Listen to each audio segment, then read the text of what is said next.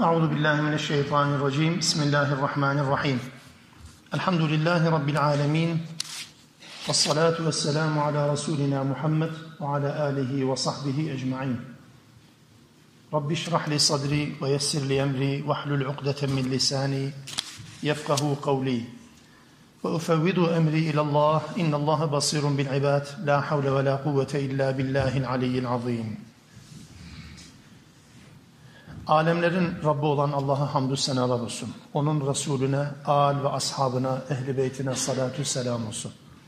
Allah'ın rahmeti, bereketi, mağfireti, selamı ve selameti hepinizin, hepimizin üzerine olsun inşallah. Meryem suresinde Hazreti İsa'nın durumunu anlatan, nispeten Kur'an'ın diğer yerlerine göre daha detaylı anlatan bir bölüm okuyoruz 29. ayetten itibaren. İsa'nın doğumuyla birlikte o günkü şartlarda ortaya çıkan durum ve tartışmalar, tabi bu tartışmaları nakletmek değil Kur'an amacı, sadece tarihi bir bilgi bize nakletmek değil, asıl amaç konunun sonunda bitiminde de zaten diyecek, İsa ile alakalı öteden beri yapılan tartışmalara son vermek, Allah'ın İsa ile alakalı bizim bilmemizi, öğrenmemizi istediği durumları özellikle bize bildirmektir. Asıl amaç da bu olunca doğrusu burada mesele sadece bir tarihi bilgi değil. İsa ile alakalı bilmemiz gereken gerçekler. Hristiyan dünyanın ya da Yahudi dünyanın İsa etrafında kopardığı fırtınaları bu bölümlerden, bu ayetlerden öğrenmiş olacağız. Rabbimiz muvaffak etsin inşallah. Bismillahirrahmanirrahim. Feeşarat ileyhi Meryem annemiz İsa'yı dünyaya getirdikten sonra zor bir durum, hiç kimsenin tabi olmadığı, tabi tutulmadığı bir imtihan türü bu. Çocuğu ile birlikte, İsa ile birlikte mecburen toplumun içerisine geldi. Terk edip gidecek durumda değildi. Gelince toplum da bunu yadırgadı. Meryem'i zina yapmakla suçladı. Hatta sahip olduğu çevrenin, annesinin, babasının, akrabalarının aslında içerisinde ya da arasında hiç böyle bir rezaletin kendilerine göre böyle bir rezaletin olmadığı bir nesil içerisinde ilk defa böyle yüz kızartıcı suç işleyen birisini gördüklerini ifade ettiler. Meryem'in anlatacak durumu yoktu. Anlatsa bile anlama imkanları yoktu. Anlaşılacak gibi de değildi zaten. O yüzden feeşarat ileyh. Meryem işaret etti neye? Kucağındaki çocuğa işaret etti. Kalu dediler ki keyfe nukellimu men kâne fil mehdi sabiyya Beşikteki bir sabi, bir bebekle biz nasıl konuşabiliriz ki dediler. Meryem işaret etti. Konuşacak mecali yoktu. Bebe işaret etti. Sorduğunuz soru ona sorulsun, o söylesin dercesine.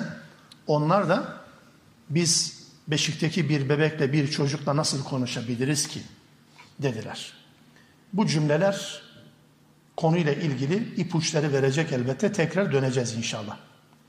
Bunun üzerine Kale İsa Meryem'in kucağındaki bebek dedi ki İnni Abdullah ben Allah'ın kuluyum. Ataniyel kitab ve Allah bana kitap verdi vahiy verdi. Ve cealin nebiyye ve beni peygamber yaptı. Cealeni mübareken eynemâ kuntu ve bulunduğum her yerde, her nerede bulunursam bulunayım, beni bereketli bir insan yaptı. Ya da bereketli bir insan olma özelliğini bana lütfetti. Ve avsani bis salati ve zekati ma dumtu hayya. Hayatta olduğum sürece, yaşadığım sürece de Allah Teala bana namaz kılmayı ve zekatı emretti. Ve berran bi valideti ve anne babama pardon anneme iyilik yapmamı emretti Allah Teala. Güzel davranmamı emretti. Ve lem yec'alni cebbaran şakiyya ve beni bir bedbaht, bir hayırsız, bir zorba yapmadı Allah Teala. Bu Üç ayette İsa'nın sözlerinden oluşan bu cümleler, bu ayetlerde özellikle altını çizerek belirttiğim tercüme biçimini de hatırlatmakta fayda var. Şu açıdan Kur'an-ı Kerim'in üslubuyla alakalı bu bir şey. Genelde Kur'an-ı Kerim'de sadece burayla alakalı değil. Yani sadece istisnai durum olarak bu cümleyle ilgili değil bu söyleyeceğim. Kur'an-ı Kerim'in genel cümle yapısında da dilden kaynaklanan, dilin özelliklerinden kaynaklanan bir yapısı olarak genelde geçmiş zaman kipinde verilen fiiller, geçmiş zaman kipinde verilen fiiller aslında çoğu zaman geleceği de ifade eder. Yani sadece geçmişi ifade etmez, geleceği de ifade eder. O yüzden bu cümleleri şöyle de çevirmek mümkün. Şöyle de çevirmek mümkünden ziyade şöyle de çevrilebilir. Nasıl yani? Ben Allah'ın kuluyum. Allah bana kitap verecek. Bulunduğum her yerde Rabbim bana mübarek olma özelliği lütfedecek. Ve hayatta olduğum sürece de namaz kılma, zekat vermeyi de beni mükellef tutacak. Ve anne babama güzel bir muamele yapmayı emredecek Allah Teala. Ve beni zorba, cebbar, kötü huylu, bedbaht birisi yapmayacak şeklinde ifade söz konusu olabilir. Buna döneceğim ama böyle bir çeviri biçimi de yorum kelime kelimelerin yorumundan ziyade fiilin ya da kullanılan yüklemin Arapçadaki karşılığı olarak bunu ifade etmeye çalışacağım inşallah. Burada İsa'nın, bebek İsa'nın, çocuk İsa'nın özellikle Kur'an-ı Kerim baştan sona bahsederken onu hep Meryem'e isnat ederek anlattığına dikkatleri çekmek isterim. Yani ve berran bi valideti dedi. Anneme güzel davranmamı, anneme güzel davranmamı emretti Allah Teala ya da emredecek. Burada anne baba yok. Neden? Çünkü zaten İsa'nın babasız dünyaya geldiğine dair önemli bir vurgudur bu. Ve barran bi valideti sadece anne burada devrede ve Kur'an-ı Kerim'in İsa'dan söz eden bütün ifadelerinde de bakın başka bir peygamber genelde anne babasıyla zikredilmez. Annesi babasıyla beraber sürekli zikredilmez. Ama İsa'nın söz konusu edildiği, bazen Mesih, bazen İsa ismiyle söz edildiği bütün ayetlerde İbn Meryem ifadesi kullanılır. Meryem'in oğlu şeklinde ifade kullanılır. Dolayısıyla sürekli annesine vurgu yapılmasının nedeni de bir önceki derste hatırlamaya çalışalım. Orada özellikle babasız dünya gelişine dair Kur'an-ı Kerim'in İsa ile ilgili söylediği gerçeğe bir atıftır bu. Yani babasız dünya gelmiş bunu Kur'an söylüyor ama rasyonel bir akılla ya da rasyonel bir yaklaşımla bunun genelde böyle olmasının mümkün olmadığını düşünen, söyleyen, tartışan insanlara da bu anlamda bir cevap mahiyetinde olabilir. İsa'nın sözü devam ediyor 33. ayet olarak. Vesselamu aleyye yevme vulittu ve yevme emutu ve yevme ub'atu hayya. Hem doğduğum gün, hem öleceğim gün, hem de diriltileceğim gün selam ya da selamet ki Allah'ın rahmeti demek burada benimledir, benimle olacaktır. Hem doğduğum gün, hem öldüğüm gün, öleceğim gün hem de dirileceğim gün Allah'ın selamı, selameti, rahmeti benimledir, benim üzerimdedir der İsa ve toplum da bu konuşmaları dinler. Öyle inanıyorum, öyle inanıyoruz. Burada keşke bu tür tartışmalara girme ihtiyacı olmasaydı ama dönem, yaşadığımız dönem mecburen bazı konuların hatta bazen lüzumsuz tartışmaların bile mecburen konuşulduğu, tartışıldığı ya da gündeme geldiği bir dönem. Dolayısıyla ister istemez bazen Kur'an'ın asıl mesajı yani diyelim ki ayetlerin asıl mesajı, asıl ana temasını bazen bozacak şekilde de açıklama, izah, zorlamalara gitmek zorunda kalıyoruz bazen. Bu da bunlardan bir tanesi. İsa Aleyhisselam'ın beşikte konuşmuş olduğunun kabul edilmediği bir dönem. Özellikle son yıllarda, modern dönemde bu çok daha tartışılır hale geldi. İsa beşikte konuşmuş mudur? Olacak şey değil, olmaz böyle bir şey. Böyle bir mümkün değil. Özellikle buradaki sözlerden hareketle. Bunun nedeni İsa'nın beşikte konuştuğunu kabul etmemenin nedeni başta söyleyeyim en sonda söyleyeceğimizi sonda da tekrar edelim bunu. Genelde aslında akla uygun olmamasıdır. Rasyonelite açısından problemli olmasıdır. Akla uygun olmaması sebebiyle bu böyle kabul edilir. Yani İsa beşikte konuşmuş olamaz. E, akla uygun hale getirmediğimiz için tartıştığımız bu konunun dışında birçok konu yok mu acaba? Akla uygun hale getirdiğimizi zannettiğimiz ama aslında akla uygun olmayan. Fakat herkes konuştuğu için, herkes söylediği için ön kabul, ön yargılarla kabul edildiği için zaten normal zannedilen birçok şey var. Aslında bakarsanız vahyin bildirdiği, vahyin bize bırakmadığı, bir alan olarak bize bırakmadı, bize bildirdiği birçok konu, hatta neredeyse tamamı aslında akıl dışıdır. Aslında akılla izah edilmez, rasyonel değildir. Sadece kendi kendimizi kandırıyoruz. Eğer illa da akla uygunluksa. Mesela dinin üzerine bina edildiği ilk şey vahiy değil midir? Allah Resulü'nün 40 yaşındayken Hira mağarasında kendisine peygamberlik verilmiş olması, vahyin kendisine verilmeye başlanması. 40 yaşındayken, 40 yaşına kadar ortada hiçbir emare yok. 40 yaşındayken bir gün mağaradan, inziva çekildi mağaradan indi. Merkeze, Mekke'nin merkezine indi. Hanımına söyledi. En yakınlarına söyledi. Allah bana vahyetti dedi. Ve bunu hanımı kabul etti. Bunu ilk duyan Ebu Bekir kabul etti. Bunu ilk duyan Zeyd bin Harise kabul etti. Bunu ilk duyan Ali kabul etti. 3-4 kişiyle bu iş başladı. Neyini kabul ettiler? Ellerinde bir veri var mıydı? Yani arz edecekleri bir kitap var mıydı? Peygamber söyledi bunu. Peygamberin söylediği bu sözün henüz kitaplaşmış hali yok. Bana Allah vahyetti sözünü. Siz neye arz edeceksiniz? Sünnetle alakalı bir tartışmanın da aslında başlangıcını oluşturması gereken bir soru soruyorum. Peygamberin bana vahyedildi dediği sözü doğruluğunu neye göre belleyeceksiniz?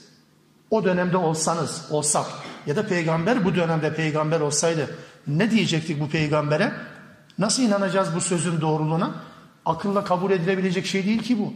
Allah gibi bir varlığın Abdullah'ın oğlu Muhammed gibi bir beşere vahyetmesi nasıl olabilir ki? Nereden icap etti? Nasıl konuştunuz? İkra bismi rabbikellezi halak diye vahyedildi. Ne oldu? Kim söyledi bunu? Buradan başlayın.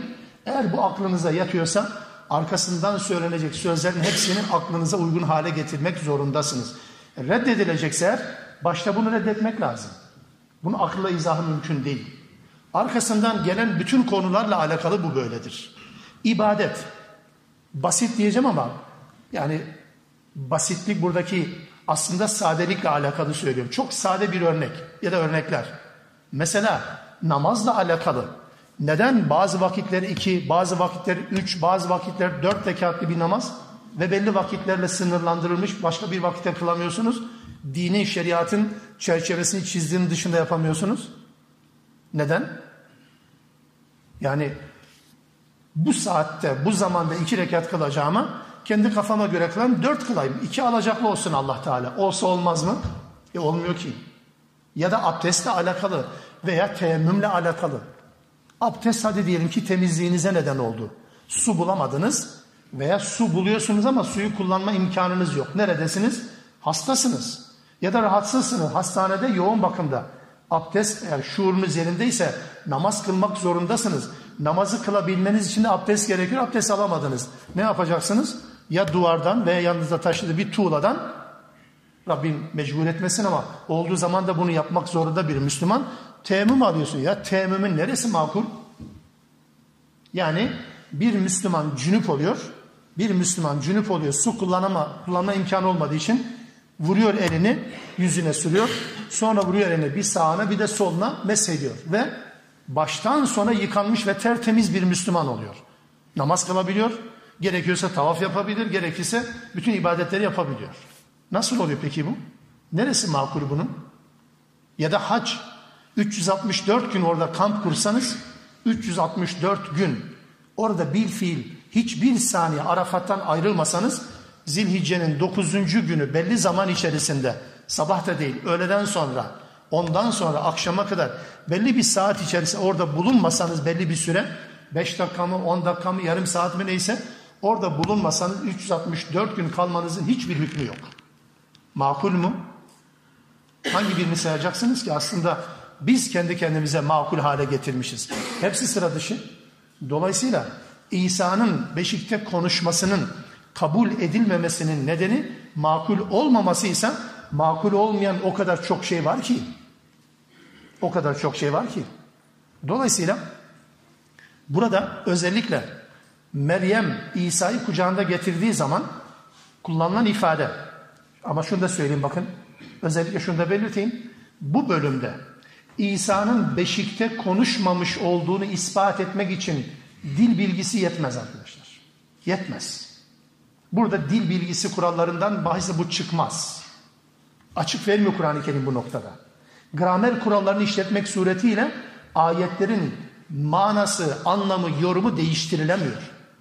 Niye? Çünkü gramer dediğimiz, dil bilgisi kuralları dediğimiz şey Kur'an'ın nüzulünden iki asır, üç asır sonra, dört asır sonra oluşturulmuş olan kurallardır. Siz Kur'an'ı bu gramer kurallarına mahkum ediyorsunuz. Ya bu gramer kuralları yokken Kur'an vardı. Kur'an varken bu gramer kuralları, kuralları yoktu ki gramer üzerinden siz ayeti kendi kafanıza uydurmaya çalışacaksınız. Gramer tamamen dışlama değil bu ama özellikle bazı istisnalar, bazı nüanslar, bazı farklılıklar var elbette. Bunları dikkate almak suretiyle da bunları göz ardı etmek suretiyle kimi zaman da kendimizi bu mana, muhtevayı kendimize göre belirlemeye çalışacağız. Dil buna müsait değil bir defa. Mesela bakın Meryem çocuğu getirdiğinde kendisine dediler ya sana yakışmıyor. Hiç beklemezdik senden bu. Ne biçim rezalet dediler. Meryem konuşmadı. Fe eşarat ileyhi. İsa'ya işaret etti. İşaret etti. Toplum ne söyledi? Toplum ne dedi? Keyfe nukellimu men kâne fil mehdi sabiyya. Biz beşikteki bir çocukla nasıl konuşacağız ki? Bu cümle ne anlama gelir? Herhalde toplum İsa ile İsa'nın bebek olarak konuşmasıyla alakalı bir şaşkınlık cümlesidir bu. Yoksa çocuğu işaret ettiği zaman bu toplum farklı bir şey söyleyecekti. Sen konuş. Bunu bize konuşturma. Sen konuş. Ya ne demek istiyorsun? bir soru gelmesi lazımdı. Yok böyle bir şey. Toplumun şaşkına dönmesinin nedeni biz bu çocukla nasıl konuşacağız? Beşikteki bebekle nasıl konuşacağız? Demek ki beşikteki bebeğin konuşmasına o, dönem, o dönemin, o dönemin çağdaş kafirleri bile inanmışlar. Anlatabiliyor muyum? Biraz ağır bir ifade oldu ama o dönemin çağdaş kafirleri bile İsa'nın beşikte konuşabiliyor özelliğine inandıkları için yadırgamışlar. Biz nasıl konuşacağız ki bununla? Dolayısıyla bu cümle zaten o günkü şartlarda İsa'nın dünya geldiği günlerde toplumun tepkisini, antipatisini mi der, refleksini mi derseniz orada zaten bu cümleyi ortaya çıkar. Çocuk Beşikteki bir çocukla nasıl konuşacak? Demek ki Beşikteki çocukla konuşma söz konusu ki bu toplum şaşırmış. Bununla alakalı bir iki iddia var. Bunları da cevaplamak durumunda kalıyorum. Allah affetsin hepimizi ve ben özellikle beni. Niye? Çünkü ayetlerin aslında muhteva açık. Fakat zihin dünyamızda bir kirlilik söz konusu. Bunu da cevaplama zorunda hissediyorum kendimi şahsen. İsa'nın beşikteyken konuşmuş olamayacağı iddiasının özellikle rasyonalizmle, akılcılıkla izah edilemez, edilemez hale gelmesi ve benzeri şeyler var elbette. Mesela bu iddialardan bir tanesi. İddia şu. İsa bu sözleri bebekken değil de kavminin yaşlılarının daha dünkü çocuk diyerek, toy, delikanlı diyerek küçümsedikleri zaman söylemiştir İsa bunu. Gibi bir yorum. Yani aslında bu çocuk bildiğimiz bebekteki yani beşikteki bir bebek değil, toplum tarafından küçük yaşta yani toy, ham fikirli, yeni yetme bir genç olarak değerlendirildiği için yadırganmış gibi bir cümle söylenir. Ve bunu anlatırken de genelde şöyle bir gerekçe söylenir. Ayet-i kerimede keyfe nukellimu men kâne fil mehdi sabiyya. Mehd kelimesi, sabi kelimesinin anlam alanı zaten belli. Mehd beşik demektir. Sabi de küçük yaştaki çocuk için kullanılır. Velet dendiği zaman, gulam dendiği zaman yaşının sınırı olmayabilir. Ama sabi dendiği zaman bu bellidir. Sabi. Doğduğu günden itibaren belli bir yaş aralığına kadar adı sabi olur. Kural budur zaten. Velet veya gulam dendiği zaman buluğ çağına ermiş olabilir, olmayabilir. Hepsini kuşatabilir tabii ki. Kâne kelimesinden hareketle, kâne, idi. Arapçada bu idi demektir aslında.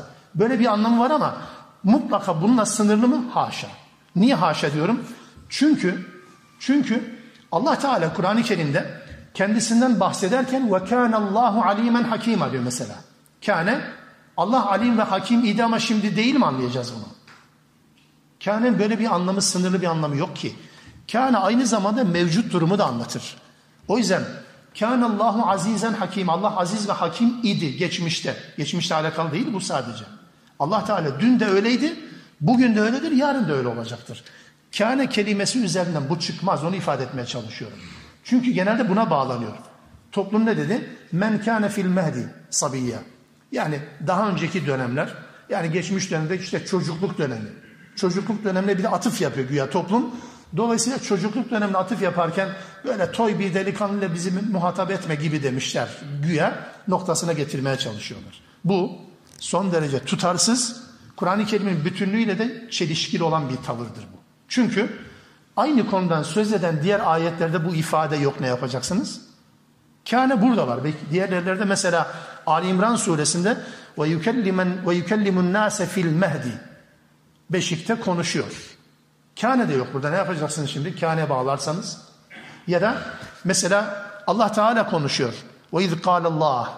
Allah dedi ki ya İsa ibn Meryem. Ey Meryem oğlu İsa. Uzkur ni'meti aleyk. Benim sana nimetlerimi gündemde tut, gündeme getir. Ve ala validetik ve anne babana. İz annene daha doğrusu.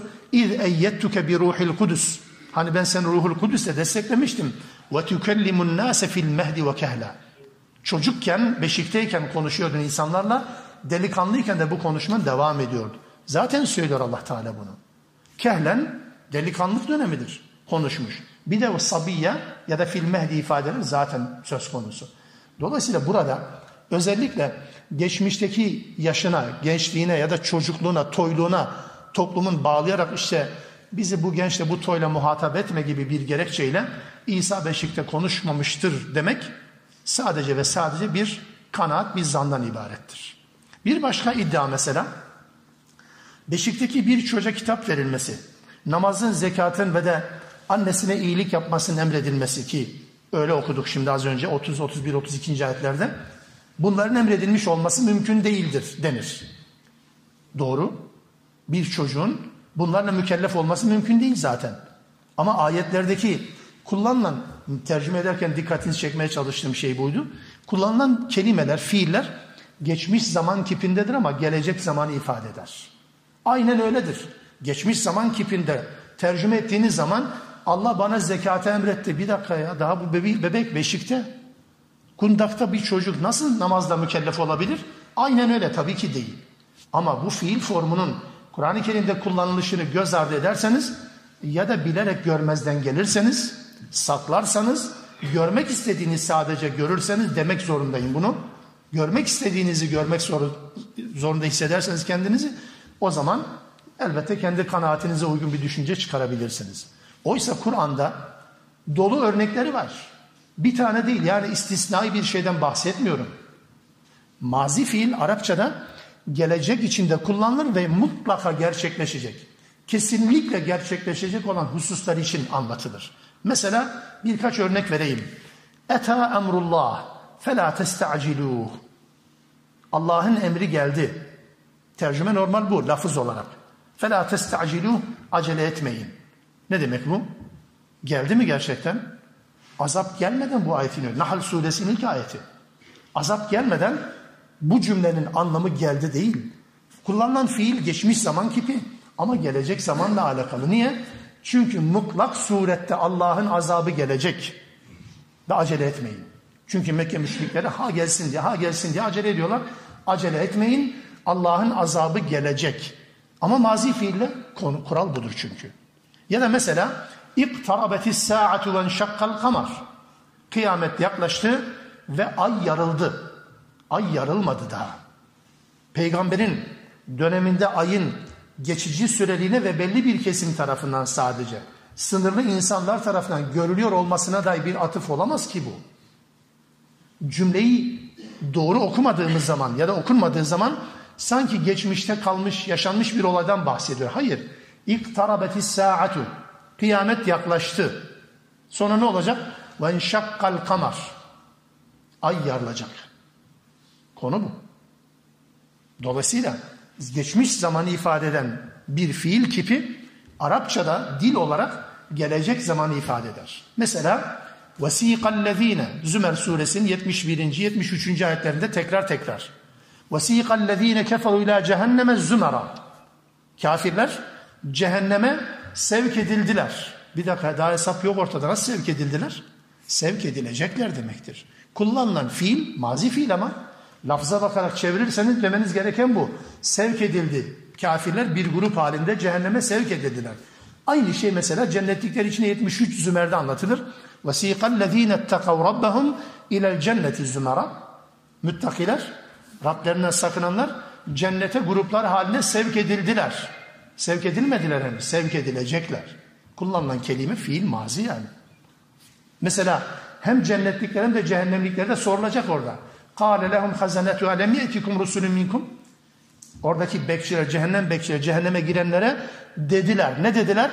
Size hiç elçi gelmedi mi? Dediler. Dediler mi ki daha? Daha demediler ki. Fiil kâle dediler aslında. Ama gelecek zamanla alakalı. Gerçekleşmesi muhakkak olan, gerçekleşmesinde şüphe olmayan konular Kur'an'da bu anlamda mazi fiille kullanılır. Bunu da bilmiş olalım. Mesela وَنَادَ أَصْحَابُ الْجَنَّةِ أَصْحَابَ النَّارِ Araf suresi 44. ayet-i kerimede cennet ehli cennem, cehennem ehline seslendi. Bir dakika cennet ve cehennem aktif değil ki daha. Nasıl seslendi yani? Yani seslenecek. Kesinlikle olacağını ifade eder. Araf 50. ayet-i kerimede de cehennem ehli bu sefer cennet ehline seslendi. Yani seslenecek. Bu ifadeler Kur'an'da o kadar fazla ki yani onlarca örnek var. Dolayısıyla bu ayet-i kerimeye tekrar döndüğümüz zaman İsa Aleyhisselam'ın bana kitap verdi, bana namaz emretti, bana zekate emretti, bana anneme iyilik yapmamı, güzel davranmamı emretti gibi geçmiş zaman ifadesini anlatan fiillerin tamamı aslında İsa ile alakalı geleceği, muhakkak meydana geleceği, şüphesiz olan geleceği ifade edecek şekilde de tercüme edilmesi Kur'an'ın da dilinde bir özelliği olarak bilmek lazım. Dolayısıyla bu e, ifadelerin tamamı İsa Aleyhisselam'ın beşikteyken konuşamaz, konuşmuş olamaz gerekçelerinin aslında bu delilerin tamamı bunların tamamının tutarsız ve çelişkili ya da parçacı bir yaklaşımla ya da bu yorumları yapan insanların sadece işin bir kısmını görmek istemesiyle alakalı bir problemdir. Yoksa ayetin öncesiyle sondasıyla özellikle İsa'nın dünyaya geldiği dönemin çağdaşları, İsa'nın çağdaşları onu görenler, onu Meryem'in kucağında görenlerin ifadeleri, kullandıkları terimler, cümleler elbette bu çocuğun beşikteyken konuşmuş olacağını hatırlatır. Buna rağmen bir insanın ya ben buna inanmıyorum, benim aklıma yatmıyor tabii ki. Herkes özgür düşünceye sahip, hür düşünceye, hür, hür düşünceye sahip olabilir. Ama Kur'an'da illa da Allah böyle diyor demenin de bir alemi yok. Sadece kendi aklının kabul edemediği şeylerle alakalı. Mesela İsa'nın nüzulüyle alakalı, İsa'nın kıyamete doğru gelişiyle alakalı konuşulur, tartışılır. Girmiyorum. Sadece bir şey söyleyeceğim konuyla alakalı. O ayrı başlı başına bir konu. Yeri gelirse inşallah onu da konuşabiliriz. Ama geniş bir mesele. İsa nazil olacak mı, gelecek mi, gelmeyecek mi? Kıyamete yakın inecek mi, inmeyecek mi? Bu soruyu cevaplamadan önce şu soruyu cevaplayın. İsa'nın yaratılışını çözün. İsa'nın nasıl yaratıldığını çözün İsa'nın gelip gelmeyeceğini konuşalım. Benim tavrım bu. Eğer İsa'nın yaratılışını çözemiyorsanız, anlama imkanınız yoksa, kapasite buna müsait değilse, o zaman İsa'nın gelişiyle alakalı konuyu tartışmanın bir alemi yok. Hepsi akıl dışı zaten, hepsi sıra dışı. Dolayısıyla konuyu Kur'an açısından değerlendirmek lazım. Kendi aklımız, kıt aklımız açısından elbette değerlendirirsek yanlışa gidebiliriz. Velike işte İsa ile alakalı bu anlatılanlar var ya İsa ibn Meryem. İsa ibn Meryem. İsa Meryem, Meryem'in oğlu İsa işte bu. Kavlel hakkillezî fihi yemterûn. İnsanların tartıştıkları, şüphe ettikleri İsa hakkındaki gerçekler bundan ibarettir. İsa ile alakalı tartışmışlar, şüphe etmişler. Ne ile alakalı? Bir taraftan Hristiyanlar onu ilahlaştırmışlar olduğundan daha fazla.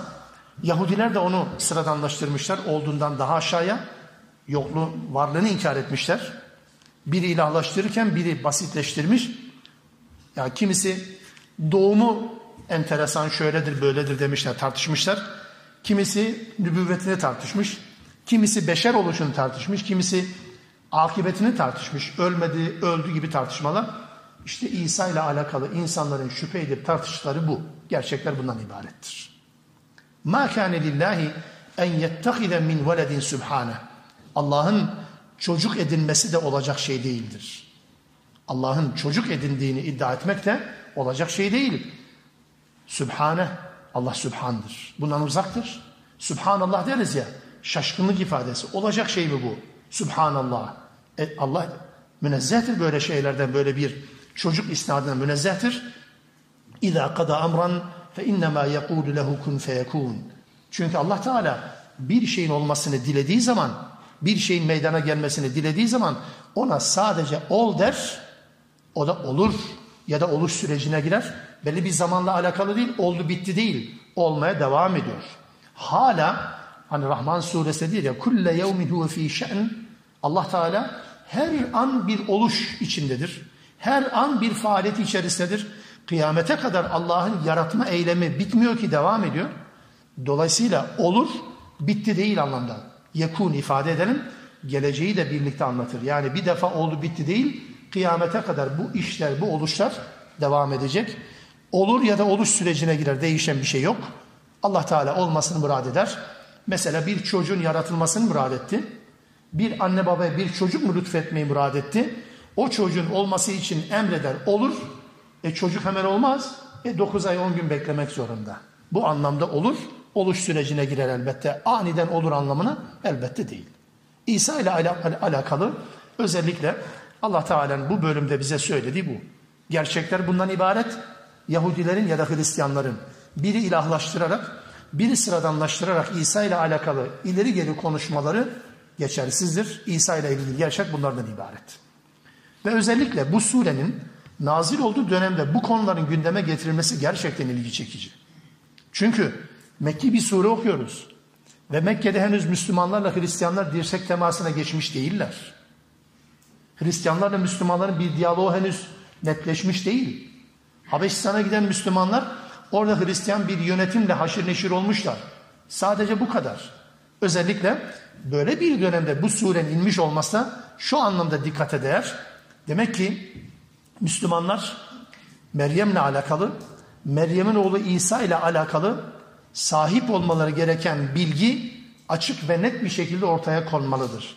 Kıvırılmamalıdır. Yamultulmamalıdır. Birileri farklı bir şey bekler diye. Acaba birilerinin hani fincancı hatırlarını ürkütme derler ya atasözü olarak. Yani birileri acaba ne der düşüncesiyle kamufle etmeye gerek yok. İsa ile alakalı gerçekler bundan ibarettir. Ve üstelik bu cümlelerin konuşulduğu dönemde İsa ile alakalı enteresan görüşler, kanaatler var. Yani Kur'an'dan sonra bunlar ortaya çıkmış değil. İsa'nın Allah'ın oğlu olduğu, üç ilahtan birisi olduğu falan gibi. Bu düşünceler Kur'an'ın nazil olduğu dönemde de var o tartışmalar ki o anlamda anlamlı burası. Yoksa olmayan bir şeyden bahsetmiyor. Yani orada sadece temiz bir Hristiyanlık var gibi değil yani. Bu tartışmalar Hristiyanlığın İsa tasavvuruyla alakalı söylenenler o dönemde de var ve böyle bir ortamda bu ayetin inmiş olması çok açık ve net bir mesaj içeriyor. Zaten Cafer bin Ebi Talip ya da diğer ismiyle Cafer-i Tayyar o bütün Müslümanların diplomatik temsilcisi olarak Habeşistan kralına karşı bu bölümü okurken de işte bunu ortaya koydu. İsa ile alakalı bizim kanaatimiz bu. Aslında çok tehlikeli şeyler. Muhatabın düşüncesiyle söylenen şeyler çelişebilecek durumda. Buna rağmen gerçekler açık ve net bir şekilde ortaya konmak zorundadır. Gerçekler bundan ibaret. İsa'nın, yanlış söyledim, Allah'ın çocuk edinmesi, Allah'ın oğlu olarak İsa'nın takdim edilmesiyle alakalı bu tartışmalara da Allah Teala Subhanallah dedi ya. Subhanı olacak şey mi? Allah'ın çocuk edinmesi, Allah'ın çocuk ihtiyaç, çocuğa ihtiyaç hissetmesi olacak şey mi? Bir defa bu bir varlığın muhtaç oluşunu, mükemmel olmadığını, eksik oluşunu hatırlatmaz mı? Allah için böyle bir şey söz konusu değil. Allah'a çocuk isnat edenler sadece Hristiyanlar da değil. Mekke'nin müşrikler melekleri Allah'ın kızları olarak ifade ederler. Nahl 57. ayette bunu okumuştuk hatırlarsanız. Evet melekler Allah'ın kızları diyor. Yahudiler Üzeyr Allah'ın oğlu dediler. Hristiyanlar da Nasara da Mesih Allah'ın oğlu, İsa Allah'ın oğlu dediler. Her birisi farklı bir açıdan illa da birilerini Allah'a isnat etme. Bu hastalığın adı ne? Acaba siz şöyle mi düşündünüz? Yani Allah bir babadır. Bir kadınla evlendi. Bunun çocuğu olduğu anlamda bir baba ol mu ki acaba? Ben pek öyle düşünmedim doğrusu. Bu ayetlerin bu ayetlerin biyolojik anlamda Allah'a çocuk isnat etme, yani bir çocuğun babası olma, bir çocuğun da Allah'ın biyolojik anlamda ondan doğma, bir oğlu olma anlamında olmadığını, bunun tamamen bir yetki alma ve bir yetki verme ile izah edilmesi gerektiğini düşünen, düşünenlerdenim. Öbürünü reddetmemekle birlikte, bu terimi reddetmemekle birlikte, yani Allah çocuk edindi cümlesini normal bildiğimiz, anladığımız anlamda reddetmemekle birlikte asli tarafının bu olduğunu görebiliyoruz. Çünkü lem yelid ve lem yulet İhlas suresinde bu ifade edilir. Lem yelid Allah Teala çocuk doğurmadı. Ve lem yulet ve bir başkası tarafından da dünyaya getirilmedi. Yani doğmadı. Yani Allah ne çocuk doğurdu ne de doğdu. Ne birinin babası ne de bir anne babanın çocuğu. İkisi de değil. Acaba bu biyolojik anlamda mı? Galiba Allah en iyisini bilir diyelim bu kaydı düşelim ama özellikle yetkiyle alakalı. Çünkü Yahudiler Üzeyr'i, Hristiyanlar İsa'yı, efendim Mekke müşriki melekleri. Bir nevi otoritenin devri, otorite olarak yetkinin devriyle alakalı bir konu mu? Çünkü çocuk sahibi olmak, çocuk sahibi olmak aslında bir babanın ya da bir annenin çocuk sahibi olması ona bir takım şeyleri bırakması, devretmesi demektir. Bu devrettiği kültür olur, adet olur, örf olur, karakter olur, ne bileyim bir takım uygulamalar olur ve de mal olur, miras olur. Devreder. Ve çocuk da bunu babası annesinden devralır. Dikkat edin mesela Hristiyanlarda kilisede vaftiz törenleri var, gufran törenleri. Niye kiliseye götürülmek zorunda? Çünkü Tanrı adına vaftiz yapılıyor. Çünkü Tanrı adına günaha çıkarılması lazım.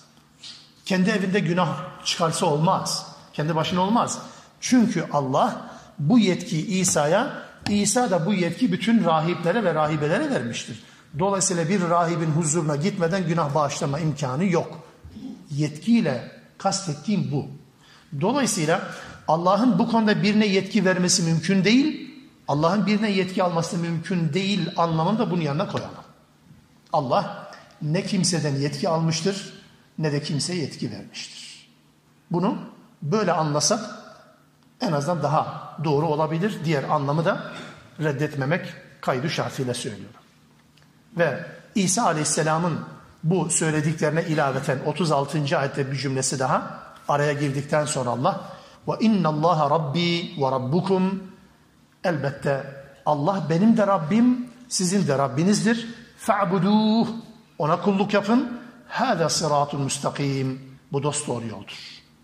Dost doğru yol işte budur. Dolayısıyla benim de Rabbim, sizin de Rabbiniz Allah'tır. İsa bunu söyledi. İsa'nın tebliğ ettiği dinin tevhid olduğunu anlatan sadece bu ayet yok. Kur'an-ı Kerim'de birçok ayet bunu hatırlatır. O zaman şöyle bir problem var. Bu inanç nerede kırılmaya başladı? Ne zamandan itibaren yozlaştı? Ne zamandan beri İsa'nın getirdiği tevhid dininin içerisine şirk unsurları karışmaya başladı diye baktığımız zaman İsa'dan sonra olduğunu anlıyoruz. Maide suresinin son bölümlerinde, Maide suresinin son sayfası. Elimizdeki Musaf'a göre konuşuyorum. Son sayfasında Allah Teala kıyamette İsa ile alakalı bir diyalogtan söz eder. Orada da mesela ve iz Allahu ya İsa ibn Meryem. Allah Teala İsa'ya dedi. Aslında cümle bu. Az önce dediğim şablon burada da geçer. Dedi değil, diyecek. Cümle fiil, geçmiş zaman kipi ama olmuş bitmiş bir olaydan bahsetmiyor ki. Geleceği kesin olan bir şeyden bahsediyor. Allah Teala İsa şöyle diyecek. Ey Meryem oğlu İsa. Ente kulte linnâsi ittehidûni ve ummiye ilâheyni min dûnillah. Sen mi insanlara dedin ki beni de annemi de ilah edinin? Bakın burada enteresan bir cümle çıktı. Beni ilah edenin sen mi dedin demedi sadece. Yanına bir şey daha koydu. Annemi de. Oysa Hristiyanlıkta Meryem'i de ilah yerine koyan bütün Hristiyanlar öyle değil ama. Bunu biliyoruz. Ama Allah Teala bakın Hristiyanlardaki bir sapkınlık hususunu da anlatıyor bize. Yaygın olmayabilir ama Hristiyanlarda bu düşünce var. Hepsinde mi? Hepsinde de kim mezheplerde var. Meryem'e de ilahlık vasfı verme. O yüzden Allah Teala İsa diyecek ki ey Meryem oğlu İsa sen mi insanlara dedin ki beni ve annemi ilah edinin? Beni ve annemi. Sen mi dedin? Allah bunu demediğini en iyi bilendir elbette. Bizimle Allah Teala bunu paylaşmak adına bunu söylüyor. Bilin diye söylüyor. İsa'nın tevhid dininin nasıl yozlaştırıldığı ve ne zaman yozlaştırılma başlandığına dair bir bilgidir bu. Bunu sordu İsa veya soracak İsa. Al dedi ki İsa dedi mi diyecek aslında. Sübhanik. Sübhansın ya Rabbi. Ma yekunu li en ekule ma leyse li bihak. Hakkım olmayan bir şeyi söylemekten sana sığınırım olacak şey değil. İn kuntu kultuhu fakat alimte. Eğer ben bunu söylemiş olsaydım sen de pek ala bunu bilirdin. Söylediğimi bilirdin. Oysa ta'lemu ma fi nefsi sen bende olanı bilirsin ve la alem ma fi nefsi ben sende olanı bilmem. İnneke entel allamul guyub sen bütün gayıpları en iyi bilensin. Gayb konularını senden dahi bilen yok. Ma kultu lehum illa ma emartani bih. Senin bana emrettiğinden başka ben onlara söylemedim. Senin bana emrettiğinden başka bir şey söylemedim. Nedir o? En i'budullaha rabbi ve rabbukum. Benim de Rabbim, sizin de Rabbiniz olan Allah'a kulluk yapın dedim. Başka bir şey demedim. Ve kuntu aleyhim şehiden ma dumtu fihim. Onların arasında olduğum sürece de ben buna şahittim. Onların arasında olduğum sürece de buna şahittim. Aynen böyle devam ettiler. Sana kulluk yaptılar. Ama felemma teveffeyteni kunte enter rakibe aleyhim. Beni vefat ettirdikten sonra sen onları gözetleyendin. Bilmiyorum. Ben onların arasındayken senden başkasına kulluk yapmadıklarını ben şahidim. Ama benden sonra beni vefat ettirdikten, beni aldıktan sonra onların durumunu bilmiyorum. Dedi İsa ya da diyecek. Ve ente ala kulli şeyin şehid ve sen her şeye şahitsin. Dolayısıyla bu bölüm Maide suresi 116 ve 117. ayetlerdeki bu diyalog İsa ile kıyamete gerçekleşeceği haber verilen bu diyalogda İsa'nın aslında getirdiği dinin tevhid olduğu ve İsa'dan sonra bu yozlaşmanın, bu şirk unsurlarının Hristiyanla karıştığını anlıyoruz. Peki sadece bu mu? Sadece bu kadar mı? Ya da Hristiyanların bütün mezhepleri aynı görüşe mi sahip? Yok. فَاخْتَلَفَ الْاَحْزَابُ مِنْ بَيْنِهِمْ Kendi aralarında ihtilafa düştüler Hristiyanlar. Mezhepleri. فَوَيْلٌ لِلَّذ۪ينَ كَفَرُوا مِنْ مَشْهَدِ يَوْمٍ عَظ۪يمٍ Özellikle o bütün gerçeklerin, hakikatlerin ortaya çıkacağı o müthiş kıyamet günü gelip çattığı zaman inkar edenlerin vay haline. O zaman göreceksiniz. O bütün her şeyin ayan beyan ortaya çıktığı günde o zaman kafirlerin ya da inkarcıların vay haline gruplar ihtilaf etmişler. İsa ile alakalı çok farklı tartışmalar var. Mesela Kur'an-ı Kerim bunların en azından üç tanesini ön plana çıkarır. Hatta dördüncü az önce Maide suresinin sonunda söylediğim Meryem'in ilah edilmesi anlayışı. Mesela üç tanesini Allah Teala diyor ki Hristiyanların düşüncesini, inancını anlatırken İnna Allah huvel Mesih ibn Meryem. Allah Meryem oğlu Mesih'in ta kendisidir diyen Hristiyanlar var. Maide 17. ayette. Ya da mesela Tevbe 30. ayet kerimede El Mesih ibnullah. Mesih Allah'ın oğludur diyenler var. Allah Mesih'in ta kendisidir ayrı bir sapkınlık. Mesih Allah'ın oğludur ayrı bir sapkınlık. Bu, bu da Hristiyanların sözü. Maide 73'te de İnna Allahe thâlisü selâfe. Allah üçün üçüncüsüdür. Teslis dediğimiz üçleme inancı, üçlü inanç sisteminde Hristiyanların bir düşüncesi bu. Evet Kur'an nazil olduğu dönemde de bu düşünceler var mı? Var. Kur'an nazil olup bittikten sonra bunlar çıkmadı önemli bu. Kur'an nazil olduğu süreçte de Hristiyanlarda bu inanç var. Kimisi Mesih Allah'ın olur diyor. Kimisi Allah Mesih'in ta kendisidir diyor. Kimisi de diyor ki Allah üçün üçüncüsüdür. Üç tane ilah var. Bunlardan bir tanesi Allah. Diğeri de işte Ruhul Kudüs, Baba vesaire. Dolayısıyla burada bu farklı anlayışlar, farklı mezhepler var. Tabi yaşadığımız dönem özellikle 20. yüzyılın son yılları, 21. yüzyılın da ilk yıllarında özellikle karşılaştığımız bir tartışma. Mesela diyalog tartışmaları, misyonerlik çalışmaları. Gerçi daha önceden de var da misyonerlik çalışmaları. Bu çalışmalarda dikkatimizi çeken bir şey var. Hristiyanlar protestan, Ortodoks ve Vati, e, Katolik. Üç tane mezhebe bölünüyor. Bu bizdeki mezhep anlayıştan farklı.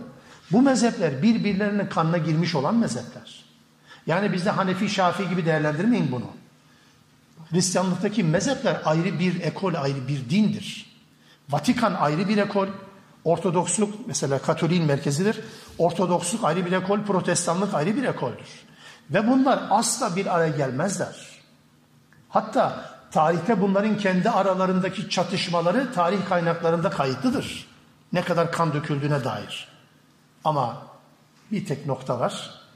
İslam ya da Müslümanları yozlaştırmak söz konusu olduğunda kendilerini arz etme, İslam ve Müslümanların egemen olduğu coğrafyalarda, topraklarda Hristiyanlığı güzel gösterme, şirin bir dinmiş gibi gösterme söz konusu olduğu zaman bu ihtilafların tamamı sümen alt edilir. Hiç yoktur ihtilaflar. Bir tek düşünce, o da Vatikan merkezli düşünce ön plana çıkar. Diyalog tartışmalarında da bu böyledir. Misyonelik çalışmalarda da bu böyledir. Oysa kendi aralarında çok derin ayrılıkların olduğu bir anlayıştır. Bu ihtilafların ortaya çıkışından bahseden bu ayet Hristiyanlarla alakalı, İsa ile alakalı bir tartışma olabildiği gibi Maturidi'nin tefsiri var biliyorsunuz. İmam Maturidi'nin. Maturidi'nin şöyle dikkat çektiği bir nokta. Diyor ki buradaki anlaşmazlıklar Resulullah döneminde müşriklerin anlaşmazlığı. Kiminle alakalı? Resulullah ile alakalı. İsa ile alakalı değil. Diğer görüşü reddetmemek şartıyla bunu söylüyorum. Yani gruplar ihtilaf ettiler. Kiminle alakalı? Peygamberle alakalı. Nesiyle ilgili ihtilaf ettiler? Kimisi Mecnun dedi, kimisi şair dedi, kimisi büyücü dedi, kimisi bilmem yalancı dedi. Herkes bir yaftayla peygamber yaftalamaya çalıştı. Dolayısıyla müşrikler peygamberle ilgili ihtilafa düştüler şeklinde bir yorum da söyler. Bu da bir bilgimiz olsun diye söylüyorum.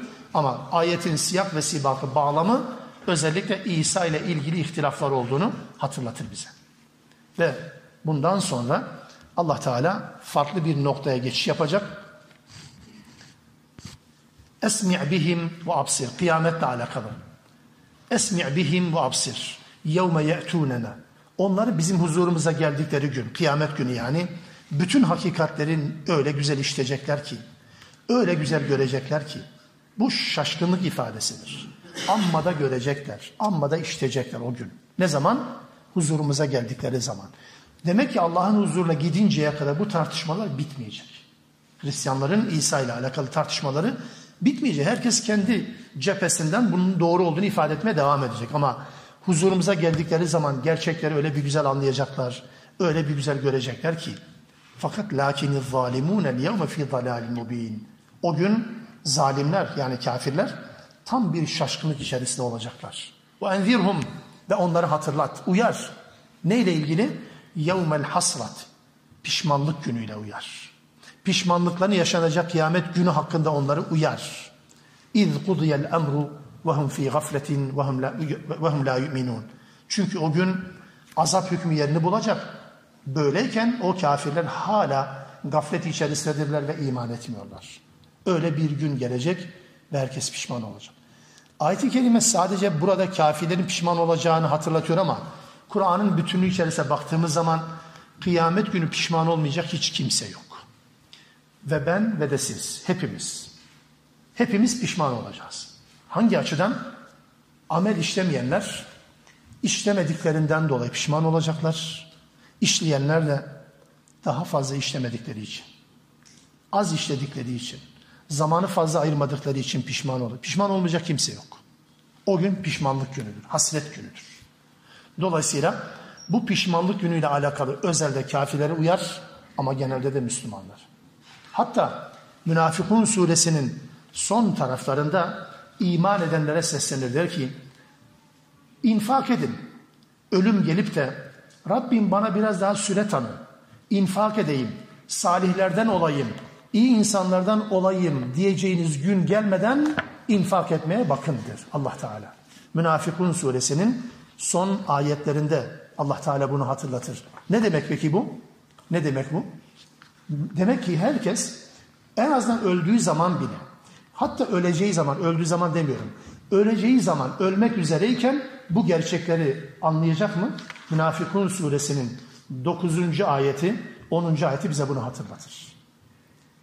Öyle bir gün gelecek ve pişman olacaksın. Bana biraz daha süre tanı Rabbim. daha çok infak edeyim, daha iyi insan olayım, daha iyi bir Müslüman olayım diye bana süre tanı diyeceğiniz gün gelmeden infak edecekseniz edin der. Herkesin pişman olacağı bir dönemdir. Rabbim yani pişman etmesin diyeceğim mecburen pişman olacak çünkü kendimizi tam veremediğimiz sürece. Herkes mesela cennet bir merkezdir. Bu merkez cennetin merkezine varma adına bir takım çalışmalar, ameller ortaya koyuyoruz ya Müslümanlar olarak. Oraya vardığımız zaman keşke biraz daha amel işleseydik de şu merkeze yaklaşsaydık. Keşke biraz daha amel işleseydik peygambere komşu olsaydık diyeceğimiz zaman var. Bugün oturduğumuz yerde bunu görme imkanı, anlama imkanımız yok. Allah Teala kafirler üzerinden bizi de uyarıyor aynı zamanda. İnna nahnu nerisul arda ve ma aleyha ve men aleyha ve ileyne yurcaun. Şüphesiz gün gelecek, kıyamet kopacak ve o zaman yeryüzü ve üzerindekilerle birlikte bize kalacak. Ona varis biz olacağız. Hiç kimse yok. Ve bütün insanlar hesap vermek üzere de huzurumuza getirileceklerdir. Diyor Allah Teala bu bölümde. Ve sonra İbrahim'le alakalı bir bölüm gelecek. Burada bir Kur'an-ı Kerim'in üslubuyla alakalı bir hatırlatmada bulunayım. Surelerin surelerin ayetleri sürekli bir insicam, bir uyum içerisindedir. Kur'an-ı Kerim'in bu ses tonu dediğimiz o fonetik, o sesi var ya okuduğunuz zaman anlamasanız bile çok muhteşem bir yapısı vardır. Ayetlerin, sure içerisindeki ayetlerin sonlarıyla alakalı. Mesela Elem tara keyfe feale rabbuke bi ashabil fil Elem yec'al keydehum fi tadlil ve arsele aleyhim tayran ebabil hep lamla biter. Kul huvallahu ahad Allahu samed lem yelid ve lem yulad hep aynı şey biter. Burada mesela bu surenin ayetlerine baktığımız zaman hep ayet sonları elifle biter. Ayet sonları elifle, elifle biter. Mesela okuduğumuz bölümü ayet sonlarına baktığımız zaman ayetin son kelimeleri insiyya, feriyya, bagiyya, sabiyya, nebiyya, hayya, şakiyya diye devam edip gidiyor. Bir geliyorsunuz 34. ayetten itibaren yapı bozul, bozulmuyor aslında da yapı değişiyor. Yapı değişiyor. 34. ayetten 40. ayete kadar bu bölüm fasılaları hiç de böyle değil. Yemterun, feyekun, müstakim, azim, mübin diye geçiyor. Kaldığı yerden tekrar bakıyorsunuz. Nebiyya, şey'a, seviyya, asiyya, veliyya, meliyya, hafiyya devam edip gidiyor sonuna kadar. Bu bölüm niye? Kur'an'ın böyle bir üslubu var. Hangi sureye bakarsanız bu böyledir. Bu muazzam bir yapıdır. Ve bütün dilcilerin, bütün edebiyatçıların da benzerini getirmekte aciz oldukları yönlerden bir tane, hepsi değil. Yönlerden bir tanesi de budur. Bu sadece normal bir kafiye değil ha. Bu sadece normal sıradan bir kafiye değil bu. Ve kelimeden hiçbirisinin anlamı bozulmuyor. Yabana atılmıyor. Anlam olarak çok muhteşem bir şey söylüyor ama o ses düzende bozmayacak şekilde. Peki burada niye böyle oldu? 34 ile 40. ayetler. Çünkü bu özellikle ayetlerin ses düzeni bile farklı bir konuyu, farklı bir mesajı taşır, bunu hissettirir. Bunu hissettirir. Nedir o? Dikkat ederseniz bu bölüm daha çok tevhidin anlatıldığı, İsa ile alakalı şirk unsurlarının bertaraf edilmeye çalışıldığı ve insanların ahiretle yüzleştirildiği bir bölüm. İnsanların ahiretle yüzleştirildiği bir bölüm bundan bahsederken yapı değişti. Ses düzeni değişti. Hep bu şekilde ifadelerle ayetler bitti. Allahu alem böyle bir anlam söz konusu. Çünkü tesadüfen değil. Çünkü surelerin içerisindeki ayetlerin dizilişini peygamber değil Allah belirlemiştir. Surelerin içerisindeki ayetlerin dizilişi. Yani bir surenin diyelim ki Bakara suresinin birinci ayetinden 286. ayetine kadar bu ayetlerin sıralaması peygamberin inisiyatifine bırakılmadı. Bunu Cibril Allah tarafından Cibril vasıtasıyla peygambere dikte ettirildi bu.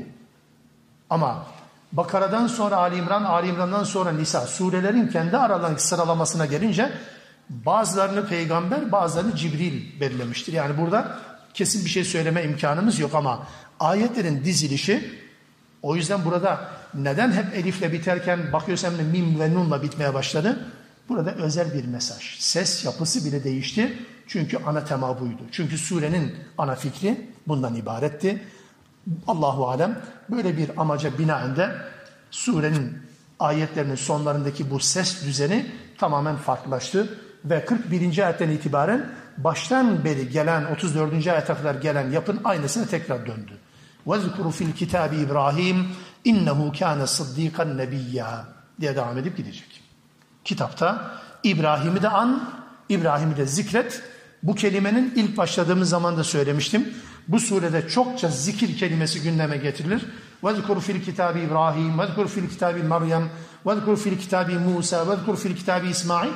Hepsinin de amacı aslında gündeme taşımaktır. Gündeme getirmektir. Allah bu peygamberlerin ya da bu insanların, bu şahsiyetlerin gündeme getirilmesini emrediyor. Yoksa sadece bir figür olarak adından bahsedip geçmek değil, gündeme getir diye çeviri bana çok daha hoş, daha cazip geliyor. Gündeme getir İbrahim'i çünkü o özü sözü doğru bir nebiydi. Özü sözü doğru bir nebiydi. İsa ile ilgili önceki bölüm ve hemen sonra İbrahim'le alakalı bölüm. Niye peş peşe geldi?